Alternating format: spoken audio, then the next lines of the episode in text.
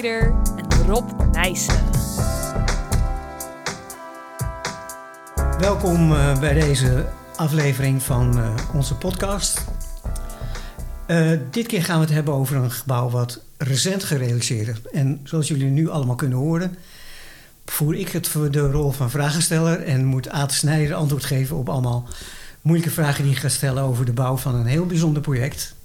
In Delft, een houten toren van 10 meter hoog, volkomen gebouwd volgens de circulaire principes. Dus over twee, drie jaar kan hij weer afgebroken worden en ergens anders weer helemaal opgebouwd worden. Is de bedoeling. Goed, ja. Ate, hoe is dit project zo tot stand gekomen? Wie heeft initiatief genomen en hoe is de uitwerking van het ontwerpproces gegaan? Uh, nou ja, het initiatief komt natuurlijk van, ja, van de klant eigenlijk. En dat was in dit geval de gemeente Delft. Mm. Die hebben een, uh, ja, dat spoor wat natuurlijk daar bovengronds liep, dat is onder de grond gegaan in een mooie tunnel. En het terrein wat erboven uh, vrij is gekomen, dat, wordt verder ontwikkeld. Maar in de tussentijd hebben ze daar allerlei tijdelijke invullingen aangegeven, zodat het niet uh, braak ligt. En een zo'n invulling is iChange. Dat is een beetje een circulair, duurzaamheid-achtige, lokale, eten producerende. Dat is een beetje de gedachte daarachter. Maar daar wouden ze ook uh, iets meer een, een smoel aangeven, zeg maar. Dus, dus hebben ze dat, dat torentje gevraagd. Ze hebben eigenlijk een prijsvraag uit laten schrijven door de studentenvereniging Stilos. Studentenvereniging voor architectuurstudenten van de bouwkundefaculteit van de TU Delft. En, en dat is ook waar ik les geef.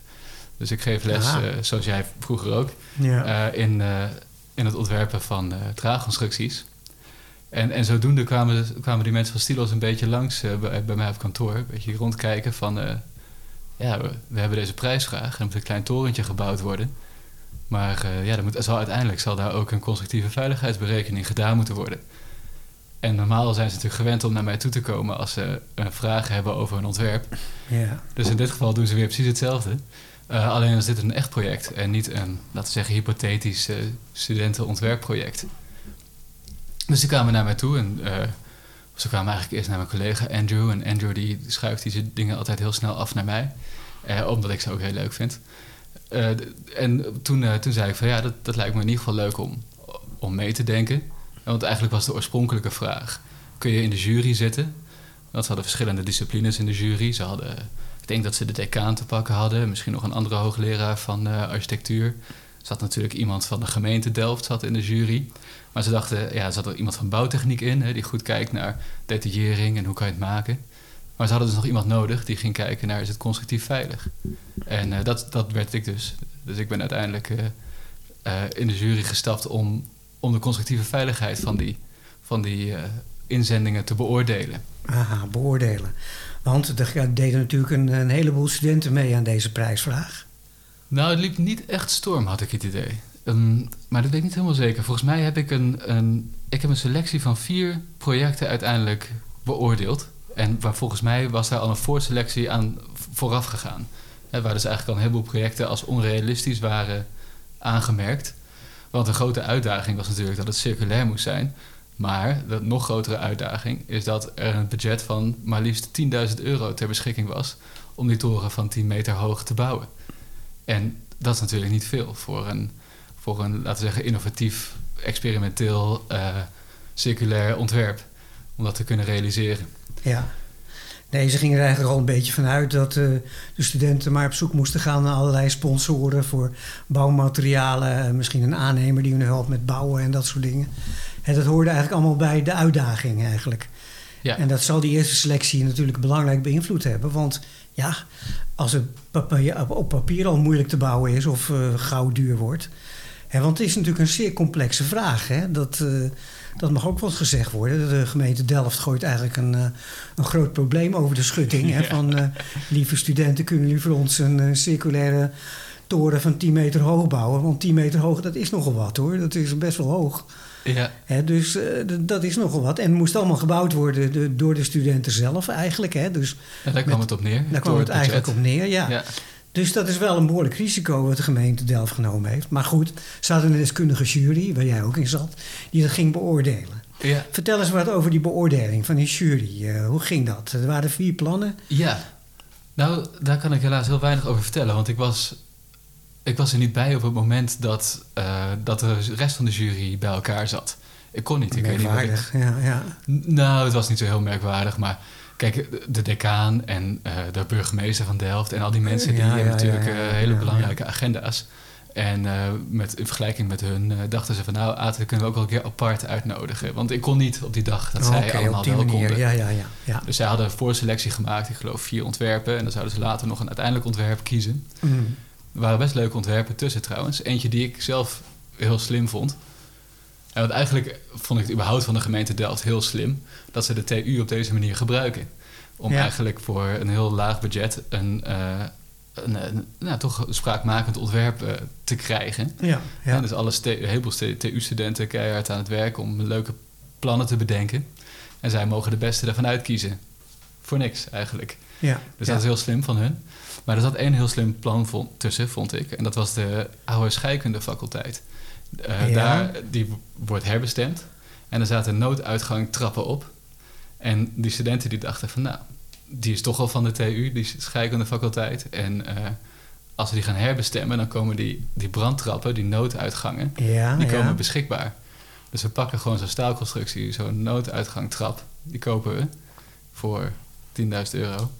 En die Oh, zetten we daar- niks, hè? Of voor ja. niks, ja, als ze helemaal allemaal hebben. En dan houden ze die 10.000 euro voor in de kroeg later. Ja, precies. Ja. En, dan, eh, en dan zetten ze gewoon die, trap, die nooduitgangtrap daar neer. Ja, En dan heb je ook een uitkijktoren. ja, ja. Circulair natuurlijk. Ja, Want eh, het komt van een ander gebouw af. En het kan eventueel weer tegen een ander gebouw aangezet worden. ja, ja. Dus die vond ik heel slim. Maar de, vond, de rest van de jury vond het te makkelijk. ja dat Ik vond het natuurlijk ook heel slim, omdat het rekenkundig niet zoveel, niet zoveel werk meer zou hebben. Maar Dat- ja. oké, ja. Maar oké, dat is ook geen uitdaging voor ons natuurlijk. Nee, nee. En een andere vond ik ook slim, dat waren die, je hebt die kabelfabrieken in Delft zitten. Ja, En daar rollen ze al die kabels op van die hele grote klossen, van Ja. die houten klossen.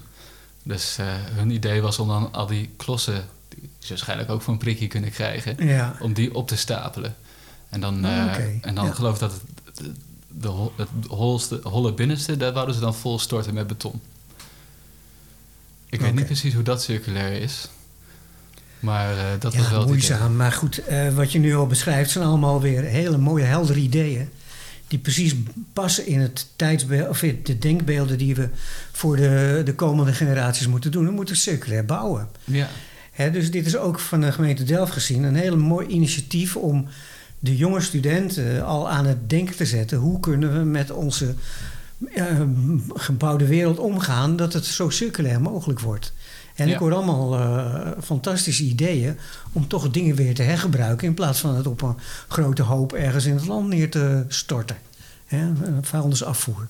ja Ja, precies. dus dat is heel, heel, heel goed. Maar goed, eh, de, de, een ander plan sprong er toch uit. Kun je dat eh, Ja. kort toelichten?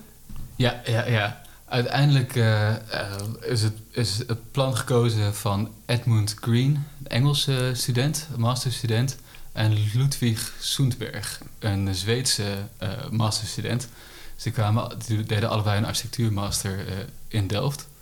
En eh, ja, hun plan, ik, ik denk waarom het gewonnen heeft, is omdat het gewoon een, een. Het was eigenlijk niet een ontwerp wat van restmateriaal gemaakt werd. Maar het was eigenlijk gewoon een heel mooi ontwerp. eh, wat ze van houten balken willen maken. En allemaal houten balken van dezelfde lengte. Of sorry, van dezelfde doorsnede afmetingen. Wel verschillende lengtes. En hun idee was dat die, dat, dat die houten balken... die werden alleen maar afgezaagd op, op lengte. En die werden dan met stalen strips... van die aanspanstrips die je in de verpakkingsindustrie eh, hebt... worden die aan elkaar geshort eigenlijk. En dus heb je eigenlijk soort bundel van, van die houten Douglas balken... die dan een kolommen worden. En je hebt bundels van die houten Douglas balken... eh, van vier of vijf van die balken die dan de liggers worden. En ook de vloeren en de trap en de trapleuningen. En, en alles eigenlijk van alleen maar die Douglas eh, houten balken... die Ja. met stalen strips aan elkaar geshort zijn. Ja, en het waren balken van 5 bij 15 centimeter. Ja, Hè? inderdaad. En waarom Douglas hout? Nou, dat, dat hebben ze dus in, in overeenstemming, want we hebben ze dus ook in contact gebracht met een paar mensen die, eh, die eigenlijk meer van hout weten. Hè. Je hebt best wel veel architecten die echt hout, houtfielen zijn. Ik weet niet of je dat zo Ja, kan het is zeggen. een heel, wat dat betreft heel populair materiaal. Ja, en er valt ook heel veel over te leren en over Ja. te weten. Dus we hebben ze in contact gebracht met een paar mensen op de TU die, die daar echt veel van af weten. ik ben hun namen even kwijt. Goed, die zeiden van ja, Douglas is een, is een geschikt hout, hè, want dat, eh, dat kun je gewoon onbewerkt laten. En dat was ook de hele insteek, insteek van het hout moest verder zo, zo min mogelijk bewerkt worden. Zodat als die toren na een periode van twee jaar, want dat was de beoogde levensduur van die tijdelijke toren. Na twee jaar zouden ze die toren weer uit elkaar kunnen halen. En dan zouden ze dat hout bij wijze van spreken gewoon weer in de schappen kunnen leggen in de Gamma of een andere, Ja, andere ja. eh, winkel. ja. Een prachtige circulaire gedachte. Hè? Ja. Ja, je knipt dan alle stalen strips die je aan elkaar klemmen. Hè, want je maakt dan een bundel van, eh, van die balk eigenlijk, hè, als kolom. Of een grote balk kun je ermee maken. Stevig balk, wat zeker nodig zal zijn voor een 10 meter hoge toren. En zo kun je het weer allemaal losknippen. En dan kun je het weer in dezelfde lengtes kun je het allemaal die het zijn, kun je het weer eh, verkopen. Ja, een prachtige circulaire gedachte. ja. Goed, Nou, nou, dat hadden ze heel mooi. Ik Ja. denk dat ze daarom gewonnen hebben. Ze hadden dat heel mooi geïllustreerd. geïllustreerd. Dus niet alleen tekeningen van hoe die toren er uiteindelijk uit zou zien. Wat gewoon een simpel en elegant ontwerp was. Wat, ja, gewoon mooi ontwerp, zeg maar. Maar ze hadden ook heel, hele mooie tekeningen eigenlijk... waar je allemaal poppetjes, nou ja, de studenten zelf dus... eigenlijk aan het werk zag over hoe ze dat dan gingen bouwen. Dus hadden ze ergens een soort zaagstation, weet je wel... waar, die, waar ze op lengte gezaagd werden... En dan, werden, en dan zag je die poppetjes zag je dat verplaatsen met allemaal vrolijke kleuren en allemaal glimlachende poppetjes, zeg maar, die allemaal heel vrolijk die toren aan het bouwen waren. ja, met dus mooi weer en zo. Hè, ja. Mooi weer, ja. Want dat bleek dus uiteindelijk niet het geval. Daar komen we straks nog over te hebben, ja. Maar het was in ieder geval alsof de studenten heel veel lol hadden, of de, Ja. of de bouwvakkers of wat het ook waren. Al die poppetjes die het in elkaar zetten, alsof die heel veel plezier hadden met het in elkaar zetten. Dus het ging echt leven, zeg maar, het, het bouwen van dat gebouw in Ja, een tekening. ja. Dus ik denk dat dat eigenlijk eh, het, het meeste de jury heeft overtuigd toen. Nou ja, Edward en Ludwig wonnen. Hè. Die Ja. waren heel blij dus. En ja, toen moest het echt gebouwd worden. Want dat was een dwingende voorwaarde eigenlijk. Dat die niet alleen ontworpen moest worden, maar ook gebouwd worden. Ja, Hoe hebben ze dat aangepakt, eh, onze Edward en Ludwig? Ja. Nou ja, dat was voor hun natuurlijk eh, een heugdelijke mededeling. Tuurlijk. Jullie hebben ja. gewonnen. Ja, En maar daarna, meteen na die mededeling, jullie hebben gewonnen, volgde de mededeling. Dus wanneer eh, is hij klaar? ja. Met die vraag. En toen kregen ze natuurlijk een beetje een koude douche. Want toen dachten ze van, oh ja, we hebben niet alleen een inzending gedaan... maar we hebben Ja. ook een soort van een belofte gedaan... dat we voor 10.000 euro die toren daar gaan neerzetten. ja precies. Ja. Dus dat was wel even slikken. En ik heb op sommige momenten ook gedacht dat het niet ging gebeuren. Omdat het, ja, toch echt een, echt een Het grote is een uitdaging is. waanzinnige uitdaging. Ja. Ja. Een grote klus. Ja. En ze willen ook geen vertraging in de studie oplopen. Ook Eh, niet, ja. Ze hebben gewoon vakken die ze moeten volgen. Ze willen misschien eh, wel cum laude afstuderen. Het waren echt, eh, laten we zeggen, ambitieuze studenten. ja. Dus die willen ook niet met een zesje zomaar eh, afstuderen, weet je wel. Dus ze moesten dat allemaal gaan combineren. Maar goed, wat ze hebben gedaan is, ze zijn natuurlijk op zoek gegaan naar goedkope partijen om mee samen te werken. Of nog liever... Sponsoren eigenlijk, hè? Ja. Precies. ja. Nou, dat is uiteindelijk ook eh, gelukt. Kun je daar een overzicht van geven? Ja, dus het hout was natuurlijk het belangrijkst. Er zaten Ja. wel, volgens mij zat er wel een kilometer hout in. Van die eh 50 bij 150 eh, Ja. Douglas balken. Ja, ja. Millimeter Douglas balken. Eh, dat hebben ze dus volledig gesponsord gekregen van Douglas Hout. Dus dat was een enorme meevaller voor ja ze. die zit in Ede, geloof ik, hè? Douglas Hout. Ja. Dat zou goed kunnen. Ja. Volgens mij is het douglas-hout.nl. Ah, Dus oké. Ja. Hebben ze hierbij... Zoek maar op, mensen. Ja. precies. Dus dat was een enorme meevaller voor ze. Ja. Ook het verpakkingsmateriaal, die stalen strips. Al Ja. is dat denk ik, zijn dat denk ik de kosten niet, maar dat hebben ze ook gesponsord gekregen. En de apparaten om ze mee aan te spannen, hè? Die hebben ze gratis kunnen huren. Ja. Ja. Eh, en wat heel belangrijk was, de fundering. Want Mhm. eh, ja, een torentje, die, eh, die heeft natuurlijk een windbelasting erop. En een houten Ja. toren weegt niet zoveel, dus hij mag niet omvallen. Dus je krijgt ook trek in de fundering. En, eh, nou ja, en je krijgt natuurlijk gewoon drukkrachten in de fundering. En hoe ga je dat nou doen? Ga je heiplaten slaan? Heipalen slaan? Ja, dat is niet echt circulair, hè? want als je die Nee. moet trekken, dat is ook een helskewei. Ga je een grote betonnen plaat neerleggen? Ja, dat is ook niet, eh, ook niet echt circulair, het idee. nee, nee. En toen kwamen ze terecht bij Stop Digging, uitroepteken. Dat is een uitroepteken is onderdeel van de naam Stop Digging. Mhm. En die hebben ehm, eh, schroefpalen gesponsord aan ze. En eh, dat is natuurlijk een heel ideaal systeem, want ja, ten eerste, die, dat gebouw staat er maar voor twee jaar, Ja. dit torentje. Dus ze kunnen die schroefpalen konden ze eigenlijk leasen, maar ook gewoon voor niks. Dus stopdikking kwam langs. Al die schroefpalen erin. En over twee jaar komen ze weer langs. Dan schroeven ze al die schroefpalen er weer uit. Kun je wat afmetingen geven van die schroefpalen? Ja, die waren anderhalf meter lang. Ze gingen geloof ik eh, een halve meter onder de grond, als ik me niet vergis. Dus ze, ze gingen tot eh, de kop van de paal, sta- ging een halve meter onder het maaiveld. Ja, het is eigenlijk een grote eh, houtschroef die je hebt daar. En die schroeven ze, gaan we schroeven ze erin. Ja, het lijkt toch op Ja. een normale houtschroef inderdaad. En het is gewoon een stalen schroef, Ja. een stalen buis. Eigenlijk een stalen buis van, nou, ik denk 120 mm diameter. Een beetje taps toelopend, net als een schroef. Eh, en met eh, ja, een spiraalvormig draad erop gelast. ja. Ook zoals een schroef. En dan komen ze met een klein graafmachientje aan. Hele praktische mensen. Ik geloof dat ze uit het oosten van het land kwamen met een busje en een aanhangwagen met een... eh, Met apparaat erop. ja. Het leek op een graafmachientje, maar in plaats van een schep zat daar gewoon een ja, zo'n motortje in. Die de, paal rond, soort- ja, de schroefpaal ronddraait. een soort Ja. mega accuboormachine. En dan eh, draaiden ze hem er gewoon in. Ja. En dat ging heel makkelijk eigenlijk. En eh, nou, dat was ook een heel fijn bedrijf. Dus die geven gewoon de draagkracht op. Ze kwamen eerst kwamen ze een test doen. Want ze weten natuurlijk niet wat voor grond ze daar lokaal hebben. Nee. Dus ze kwamen eerst eh, kwamen ze langs met drie palen. En die draaiden ze erin. En eh, die trokken ze er daarna weer uit. En op basis daarvan bepaalden ze dan de draagkracht van die palen voor de lokale grondtoestand. Ja. En en daar, daarmee konden we gewoon verder rekenen. Want ja, de Edmund en, eh, en Ludwig die, eh, die moesten dus op zoek naar niet alleen naar materiaal, hè, dus die, die drie bedrijven die het gesponsord hadden, maar ze moesten eigenlijk ook op zoek naar een aannemer. Dus die eh, ja, eigenlijk gereedschap kon sponsoren. Ja, ze hadden natuurlijk houtzagen nodig, ze hadden stijger, stijgers nodig, ladders nodig, ze hebben bouwhelmen nodig. Ze hebben van die vestjes nodig, hè, waarmee je kan... Veiligheidsvestjes, ja. Precies.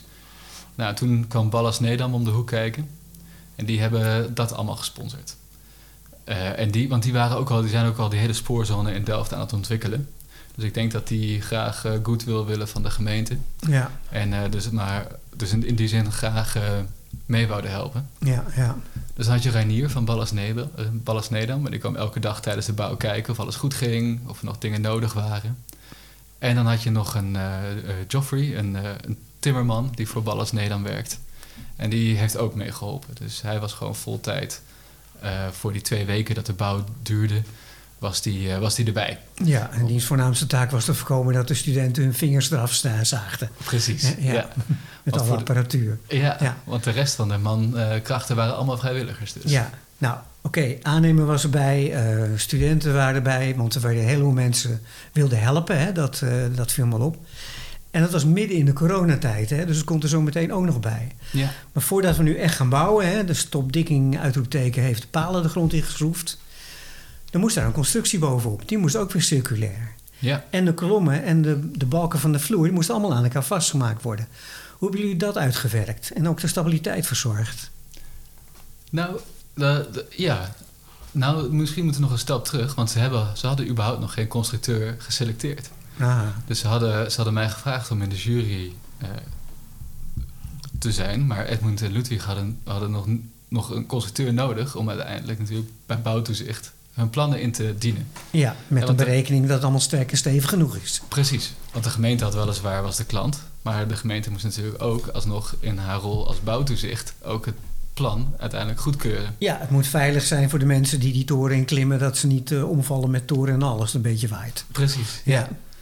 Nou, en eh het constructieprincipe, dat ben ik vergeten te noemen, maar dat komt eigenlijk van het People's Pavilion, heet het volgens mij, in Eindhoven. Wat eh één of twee jaar geleden daar is gebouwd. Misschien kennen mensen het wel. Dat, dat was eigenlijk een, een, vergelijkbaar principe. Dus ook, eh, Losse balken gekoppeld door strips die aan elkaar spannen. precies. Ja, En dat heeft Arab toen doorgerekend. ah, Met onze vriend Mike Aurik, die eh, nog bij ons is afgestudeerd ooit. ja, ja, ja. Die- Die heeft het allemaal doorgerekend toen voor dat People's Pavilion. Dus het eerste wat ik had gedaan is, is Edmund en Ludwig aan Mike Aurik koppelen. Toen zijn we ook daarheen gegaan en toen heeft Mike helemaal uitgelegd hoe, hoe zij dat toen hebben, Ja, hebben bedacht en, eh, en gedaan. Die hebben ook een offerte uitgebracht, maar goed, Arab is, was te duur eigenlijk. Want ze hebben daar, ik geloof dat ze wel een schappelijkere prijs zouden hebben gedaan, omdat het een sympathiek project is. Maar uiteindelijk was het toch nog een te grote hap uit het budget. Ja, Eh, en toen hebben wij gezegd, oké, nou dan gaan wij het doen, maar dan doen we het voor, voor een passende prijs die, die ze nog kunnen betalen, zeg maar. En nog steeds de bouw van de toren kunnen realiseren. ja, en zorgen dat het allemaal sterk en stevig genoeg is natuurlijk. Ah, Dat is natuurlijk de voorwaarde. Ja, Ja, nee, ja, precies. Ja, En ehm, daar zaten natuurlijk wat haken en ogen aan. Want in de eerste instantie was dat eh, zonder windverbanden was het ontworpen. Met, eh, ehm, ja, met eigenlijk alleen balken en kolommen. Maar goed, hoe wordt dan die horizontale belasting afgevoerd naar de fundering? ja, Nou, het eerste idee was om daar momentvaste verbindingen te maken tussen de balken en de kolommen. En dat uiteindelijk ehm, is dat toch niet gelukt. En achteraf ben ik daar ook wel blij om als ik zie hoeveel het hout werkt. Ja, ja. Dus het zet uit en het krimpt met, het, met de ja, De vochtigheid en de temperatuur, ja. Ja. maar Dus ik denk dat we die momentvaste verbindingen eigenlijk eh, nooit... eh, ja, want die goed zouden voor dan, elkaar hebben kunnen krijgen. Precies, Ja. want die zouden eigenlijk werken op wrijving tussen die balken en die kolommen. Ja. Dus dat de rotatie zou tegengehouden worden door wrijving. Eh, maar goed, dat, die, Oké, dat ging niet door. Geen momentvaste verbindingen, hè. Maar wat dan wel? toen hebben we windverbanden bedacht. Ook van hetzelfde materiaal. En van die kruisen in de, in de gevelvlakken eigenlijk, hè. Ja. precies. Want de uitdaging bleef geen bouten gebruiken, maar alleen maar houten, Span, eh, eh, ja, houten balken en ja. span, spanstrips inderdaad. ja, Eh, dus hebben die windverbanden ook ja, in diezelfde twee materialen uitgevoerd oké, eigenlijk. ja. Dus ja, gewoon kruislinks Ja. diagonale in, in alle gevels. Ja. Nee, als mensen dat plaatjes van het gebouw zien, hè, dat, dan zie je overal die kruisen in de gevel zitten. En die geven dan de stevigheid van de horizontale krachten van de wind eh, af te voeren. Ja, En misschien een aardbeving als die ooit eens komt, maar in Delft hoeft dat gelukkig niet. nee, Ja. precies. Goed, nou, dat was het principe. Dat we, zo moest het gebouwd worden. Het hout kwam allemaal op de bouwplaats aan, hè, die, die kilometer eh, Douglas-balken. de zaagmachines stonden klaar. En eh, toen beginnen maar. En Ludwig en Edmond hadden al een heel mooie eh, handleiding geschreven... om deze gigantische IKEA-kast in elkaar te zetten. Ja, ja. En de studenten werden uitgenodigd en die kwamen gelukkig in grote getalen. En Ja. ik moet er nog iets heel belangrijks bij zeggen. Het was pokkenweer. ja het was echt klote weer, ja. Eh, We praten over eh, februari tot eind maart van dit jaar, hè, 2021. Ja, Het regende, het was koud, het stormde, het waaide, noem maar op. En dan sta je daar met je mondkapje in de, in de, kou, in de wind en de regen. ja. Gelukkig werden ze wel goed opgevangen door de mensen die eh, dat eh, kleine restaurantje en eetvoorzieningen daar eh, treffen. Maar toch, het was bivakeren in de Noordpool eigenlijk. Hè? En nog bouwen ook. Ja, nou, het leek op Yper in de, Tweede Wereld, in de Ja, Eerste ja, Wereldoorlog. ja. Want die funderingen die, die werden een halve meter eigenlijk in een soort loopgraaf ge, eh, moesten die gebouwd ja, worden. Ja. En die waren vol geregend met eh, water. Dus een beetje En klei natte klei, ja, Het was allemaal klei daar. Dus ja. het water kon niet weg. Dus Nee. ze zaten letterlijk eh, tot hun knieën in het water in februari met hun handen te voelen naar waar die funderingspalen waren. Ja, ja, ja. En, ja. daar- en daar de bevestigingen te maken. ja. En hoe hebben we de funderingsbalken gemaakt? Hè? Want de palen moeten gekoppeld worden door een balk erbovenop. Ja, dat was nog een probleem. Dus nee, dat is geen probleem. Uitdaging haten. Dat was een lastig klusje, ja, ja, ja. Dus die verderingspalen zitten allemaal eh, die- op eh, bepaalde afstanden. Hè. Meestal was het iets van eh 0,8 meter of zo, hard op hard van die, Ja. van, die, van die verderingspalen, die schroefpalen. En die moesten inderdaad verbonden worden met een balk. Nou, dat was een circulair eh, idee, dus we wouden geen betonnen soort van balkenrooster gaan storten daar. Dus in eerste instantie dacht ik aan staal. Dus wij eh, gekeken naar eh, eh, Stalen balken. hè? stalen Ja. balken, Ja. ja, gewoon HEA-profielen. Ja. Die, die je dus eh, gaten erin boren en dan aan die schroefpalen bouten. Hè, de fundering was trouwens de enige plek waar we niet hebben kunnen vermijden dat we bouten hebben toegepast. Eh, nou, dat bleek te duur. De staalprofielen waren eigenlijk al, al waren gewoon al, te- al te, dat was al te grote aanslag op het budget. Ja, want je hebt best een behoorlijke balk nodig, hè? Want er staat een grote kolom op die 10 meter hoog gebouw draagt. eh. Precies, ja. Ja. En ook omdat het onder de grond zit, was het onwaarschijnlijk dat we iemand zover konden krijgen om dat te sponsoren. Want ja, je gaat het toch Je niet ziet er zien. niks van, Nee, ja. dat is een beetje weinig eer te behalen. En nou, toen dachten we nog eh, tweedehands staal. Hè? Misschien kunnen we Ja. oude staalbalken ergens op de kop tikken. Bleek ook te duur. Eh, ook transport moet je natuurlijk regelen, dat is ook allemaal ingewikkeld. Eh, en toen kwamen we eigenlijk op het idee, als het toch maar eh, twee jaar daar hoeft te staan, waarom maken we dan niet gewoon een gigantische bundel van houten balken, die dan een funderingsbalk wordt?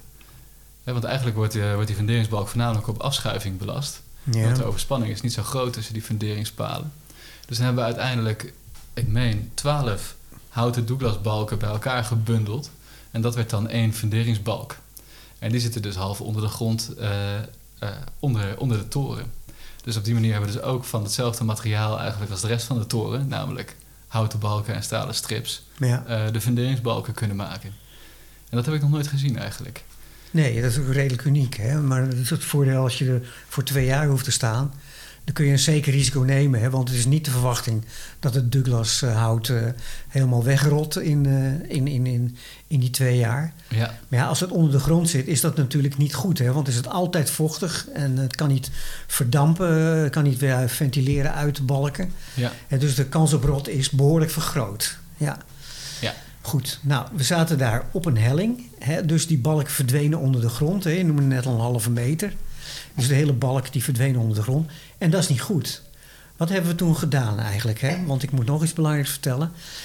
Wij, ons bedrijfje, hè, Glass en eh, Swinging Structures, ja. hebben ook het toezicht op de bouw gedaan om te bewaken dat de kwaliteit van het gemaakt goed genoeg was voor het twee jaar functioneren.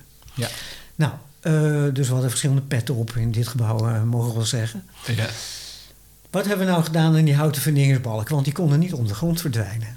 Nee, dus die hebben we dus eh, ge- uitgegraven eigenlijk. Ja. Of, of, opengegraven zou ik Ja. moeten zeggen. Eh, met een tweeledig eh, doel eigenlijk. Dus één, zodat ze kunnen ventileren. Hè, dus dat, dat, verdampen, de vocht eruit, ja. precies. En twee, dat we ze kunnen inspecteren. Ja, ja. Dus we kunnen natuurlijk af en toe gewoon even kijken of, of, of het hout in goede staat is. Hè, en of, of alles nog goed op zijn plek zit. Of het niet verschoven is Ja. of wat dan ook. Eh, omdat het natuurlijk niet een eh, betonnen balk is die je met een gerust hart onder de grond kan laten liggen. ja, waar nooit meer wat mee gebeurt. Ja, ja, waar ja, je 50 jaar eh, geen omkijken naar hebt. ja, Ja. Dit is natuurlijk experimenteel, dus we willen het in de gaten kunnen houden. We willen het kunnen monitoren. ja, Oké. Nou goed, dat was dus het Goed, moeilijkste. nou, de funderingsbalken zaten erin. Ja. Het bleef regenen, het bleef koud, het bleef eh, met je mondkapje voor. Maar langzaam gingen ze omhoog. Ja, Hoe ging dat eigenlijk? Hè? Want er wordt er dus een balk gemaakt, en dat, of tenminste een balk, en die moet horizontaal lopen. Dan wordt er een kolom gemaakt en die moesten dan in elkaar passen. ja. En hoe werden ze dan aan elkaar vastgezet? Eh, Nou, daar hebben we dus een eh, soort stalen voeten voor bedacht. Hè? Dus dit is die, bij de, dus die verderingsbalk, die ligt op die eh verderingspalen. En daar zit dan een soort eh, twee platen zitten aan de bovenkant en dan de stalen platen zitten aan de bovenkant en de onderkant van de funderingsbalk. En die worden met draadeinden eigenlijk om die funderingsbalk heen geklemd. En op die bovenste plaat zitten dan weer twee kleine pl- plaatjes omhoog gelast. En dat wordt dan eigenlijk eh, de, de, de schoen voor die kolom. Die kun je daarin zetten. Dan gaat er een bout doorheen. En dan zit de kolom vast. Oké, dus dan zat, de kolommen zaten vast aan de verderingsbalk. Ja, Een belangrijk punt, want daar moet een heleboel krachten doorheen. precies. Trek en druk. En dan ga je langzaam omhoog, hè, richting 10 meter. Ja, En hoe worden toen de balken en de kolommen op elkaar aangesloten? ja dus die, dit is eigenlijk het systeem wat, eh, wat Edmund en Ludwig zelf helemaal hebben uitgedacht. Hè? Want, Ja. want dus die fundering, dat, dat was nog niet voor die prijsvraag nog niet bedacht. Hè? Dat, moesten, dat moesten wij in samenspraak met hun eh, allemaal Ja, eh, ja. uitwerken. Eh, eh, maar goed, dat, boven, de bovenbouw hadden zij eigenlijk al vrij goed in de smiezen. Eh, gewoon al helemaal uitgedetailleerd. En dat is dat die bundel... Nou, bijvoorbeeld een kolom is misschien een bundel van zes of zeven balken. Ja, en dan vielen gewoon een paar balken, die hielden daarop. En dan staken ze daar de, de balk in, de ligger in. En, en da- daarna ging die, ging die, gingen die verticale balken eigenlijk weer door. ja oké. Dus het, ja, het, het was eigenlijk gewoon een soort van in elkaar gestoken allemaal. ja, ja. Eh, en dan ook nog met die, met die stalen strippen eromheen om alles goed, goed vast te zetten. Maar dus geen schroeven of bouten of lijm in de ja, bovenbouw. Ja, ja. En toen moesten we nog bedenken hoe we dan die, die diagonale, die windverbanden gaan bevestigen. ja. En dat, dat was eigenlijk het meest ingewikkelde detail. Dus daar hebben we heel, heel vaak en ook wel lang eh, met elkaar om de tafel gezeten om dat allemaal te bedenken. Dus dan bedachten wij eigenlijk eh, met ons bedrijfje GNSS eh, in samenspraak met hun de principe-details. En dan zeiden we van dit, dit is het principe, zo, zo kunnen we het doen. Hè, want het mag ja, het mag allemaal niet verschuiven en zo. En als je er geen bouten doorheen doet, dan is het toch best wel lastig. Eh, dus dat, dat moest allemaal, moesten daar best wel wat slimme dingetjes voor bedacht worden. Op een podcast kan ik dat allemaal niet goed uitleggen, denk ik, hoe dat detail werkt. Nee, oké. Maar goed, dus hebben zij in hun, in hun 3D-model hebben ze dat principe detail overal op alle plekken waar het nodig was eh, verwerkt. Eh, met de verschillende balken en kolommen die daarbij Ja, bij ja, aansloten. ja. Maar toen stond de toren eindelijk, hè? Ja, Nou, een set van alle goede partijen die hebben meegenomen, hè? ook de aannemer, de Balles Nedam. ja. Stond die toren. Toen kwam de eerste storm. Wat gebeurde er toen met, de met de diagonale? ja. Nou ja, hij stond inderdaad, die toren. En eh dat is toch wel spannend, hè? Ja, zeker. Ja, als, hij, als hij er net staat, ja, je gaat natuurlijk meteen kijken. En Je bent ook al tijdens de bouw bezig kijken. Gaat alles goed? Doen ze het goed? Het, het zijn tenslotte studenten en geen Ja, professionele aannemer. Dus je, je weet eigenlijk, ja, je moet goed opletten of ze alles netjes bouwen. Want ja, ook zij hebben tijdsdruk. Het is kloten weer. Dus Ja, ja. de verleiding is heel groot. En ze krijgen niet betaald, hè? Dat zijn we nog vergeten erbij te zeggen. maar- Ja, ze krijgen niet betaald. Ja. Eh, dus de, kans, de verleiding is heel groot om je er als eh, Jantje van Leijen of wat het ook is, ja, eh, je er vanaf te maken. zeker als het vrijdagavond vijf uur is en het is regent en is koud en Ja. er moeten nog tien balken in. Hè? En Dat, ja. Ze begonnen wel als aannemers elke ochtend om 8 uur. Dus Ja. dat vond ik ook. Ja, ja, ja, ja. meestal bij de colleges om 9 uur zijn ze altijd te laat. Maar als- bij dit project begonnen ze allemaal netjes om 8 uur. Maar goed, dus ja, je bent al wel nerveus. En toen kreeg ik een appje een, een week na die toren stond. En eh, dat was de eerste voorjaarstorm was geweest. ja. Alle diagonalen zijn geknapt. Dus ik schrik me dood, want ik dacht, dat kan niet. Ik heb het berekend. ja. En eh, dat is gewoon fysiek onmogelijk dat die dingen geknapt zijn. Of er moet echt iets helemaal fout zijn. Maar ze waren niet geknapt, hè? dat hadden ze verkeerd gezien. Ze waren verschoven. Ze waren van hun Ze plek zaten geschoven. los eigenlijk, ja. Precies. En dat is eigenlijk de werking van het gebouw. Dus dat, eh, ja, het hout, hout zet uit en het krimpt. En die, die, die diagonalen die blijven dezelfde lengte. Eh, en, en wat er gebeurt is, is dat ze gewoon van hun plekje zijn geschoven eigenlijk. Ja, ja. Omdat ze niet ja. gezekerd waren. Hè? We konden geen schroeven gebruiken of iets. Dus het was gewoon eigenlijk eh, ja, het juiste hellingshoekje in, in, in die balk zagen. En daar de diagonaal omheen spannen. Ja, En een aantal hadden ze al niet strak genoeg gespannen tijdens de bouw. Daar hadden we ook iets van gezegd. Van, ja, die jongens die moeten overnieuw. Knip maar door en die moeten strakker. ja. En, eh, maar goed, eh, zelfs eh degenen die al redelijk strak zaten... die bleken toch dat het door de werking van het gebouw weer wat los was gaan zitten. ja, ja. Maar goed, daarom doen wij de periodieke controle nu. Ja. Elke drie maanden gaan we langs. Elke drie maanden, ja. En dan... Lopen we alles na. precies. En we hebben ook iets verzonnen om ze permanent vast te zetten. Hè? Dat ze niet meer kunnen losschieten eigenlijk. Ja. En met een paar slimme schroeven en een paar houten wiggetjes. Ja, ja, dat vertel ik eigenlijk liever niet. Dat we er schroeven in hadden moeten doen. Maar goed, dat voelt Ja. een beetje als een... eh, eh, Nou, je kijkt er wat eh, positiever tegenaan. Oké, Kijk, het, als je iets unieks bedenkt, hè, een stalen strippen met een aanspanner als diagonale gebruiken, hè, dan, dan weet je dat je, ja, je denkt overal over na, maar je, je kunt niet alles van tevoren bedenken.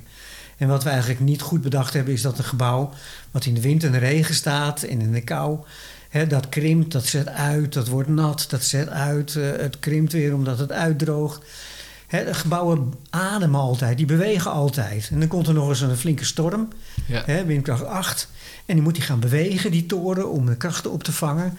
Ja, dan gaan dingen gaan verschuiven. Hè. Dus daar hebben we inderdaad niet goed over nagedacht. Maar ik vind, je moet altijd goed blijven kijken wat er gebeurt. En dat kunnen we gelukkig ook doen. Hè, dat wordt door de gemeente Delft wordt dat keurig betaald. Hè, dat, dat die, die controle, wat ik belangrijk vind... want je bent als opdrachtgever en als eigenaar van het gebouw... ben je verantwoordelijk ervoor.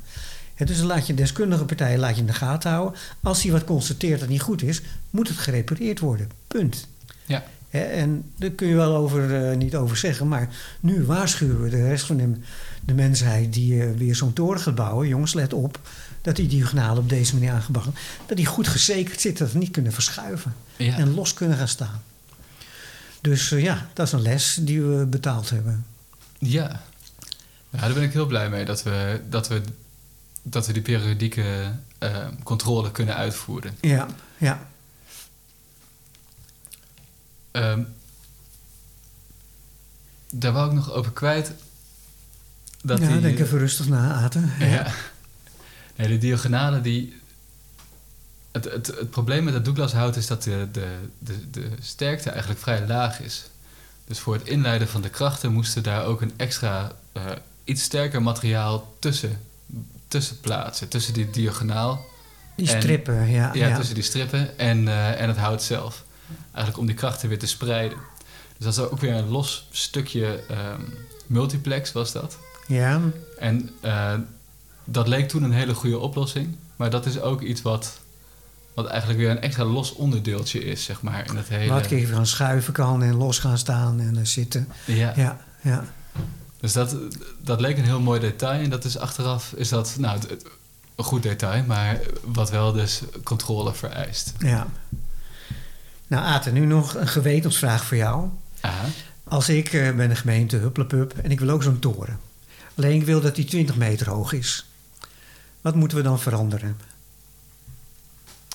Ehm, ja, dan moet het toch, in ieder geval bij de fundering, moet daar toch goed Ja, en het gekeken is weer worden. voor twee jaar hoor. Het is niet voor de eeuwigheid. Ja. Nee, precies. Maar we hadden nu al... eh, nou, dat is eigenlijk ook niet zo'n groot probleem. Want die, die palen van anderhalve meter die we nu toegepast hebben...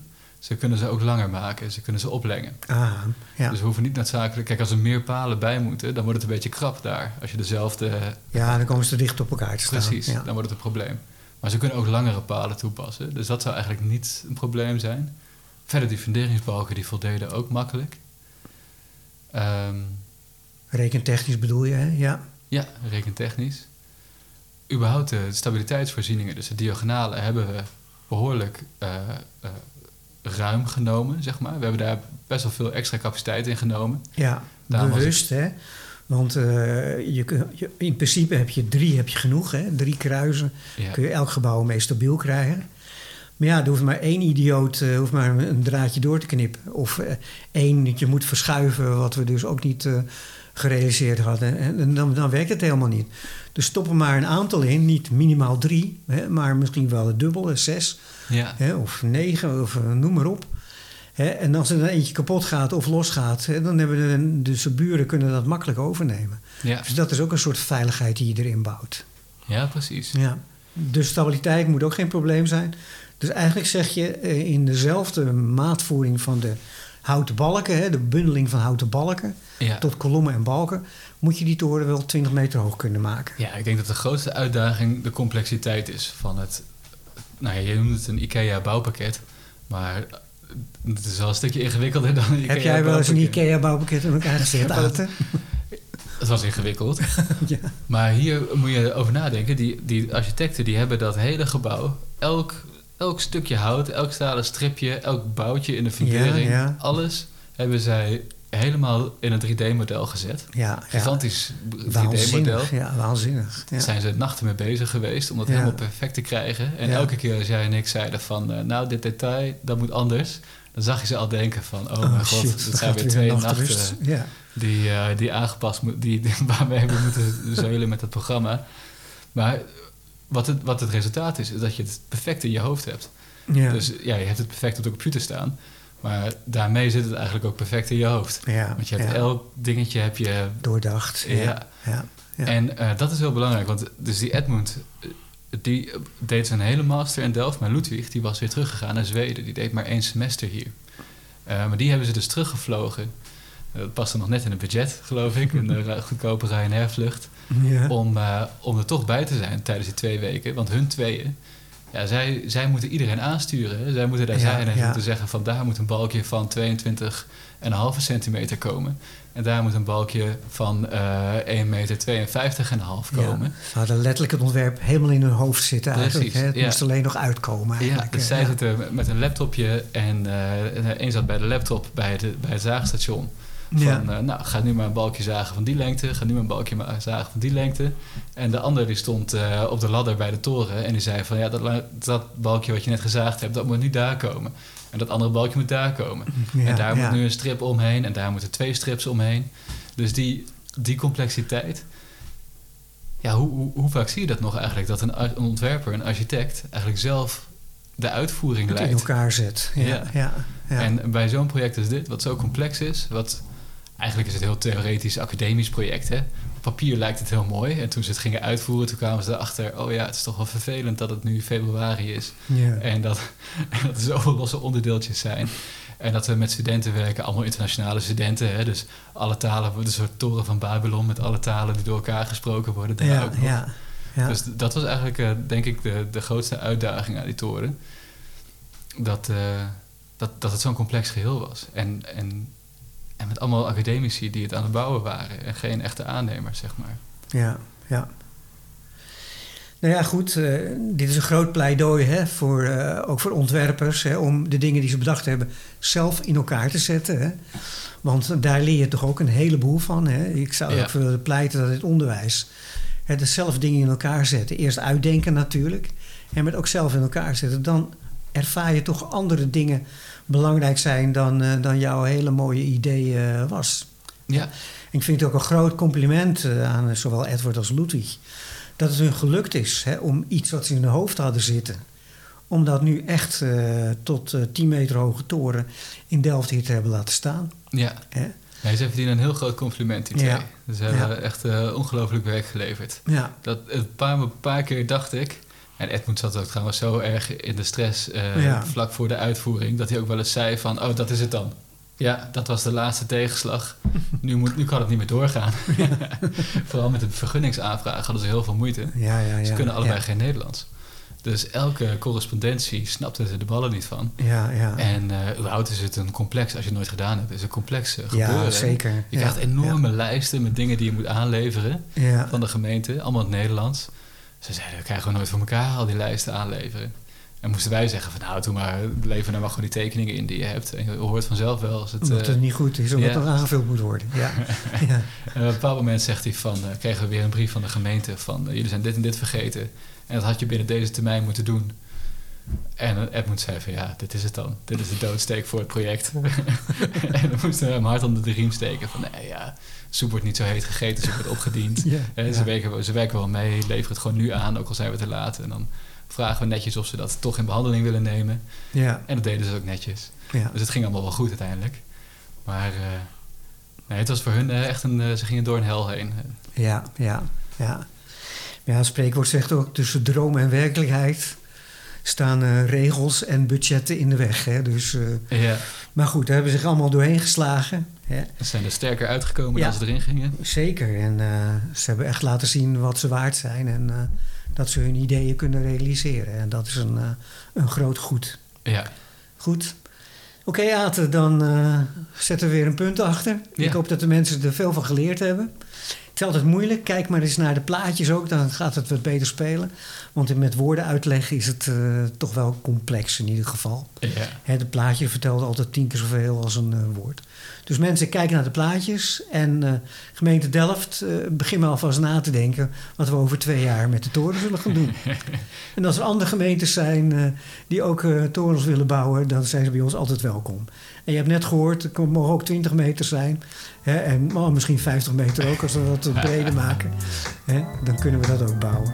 Dit was Tekentafeltapes. Met Ate Snijder en Rob Nijssen. Muziek door Project Alpha en Roze Marijnen.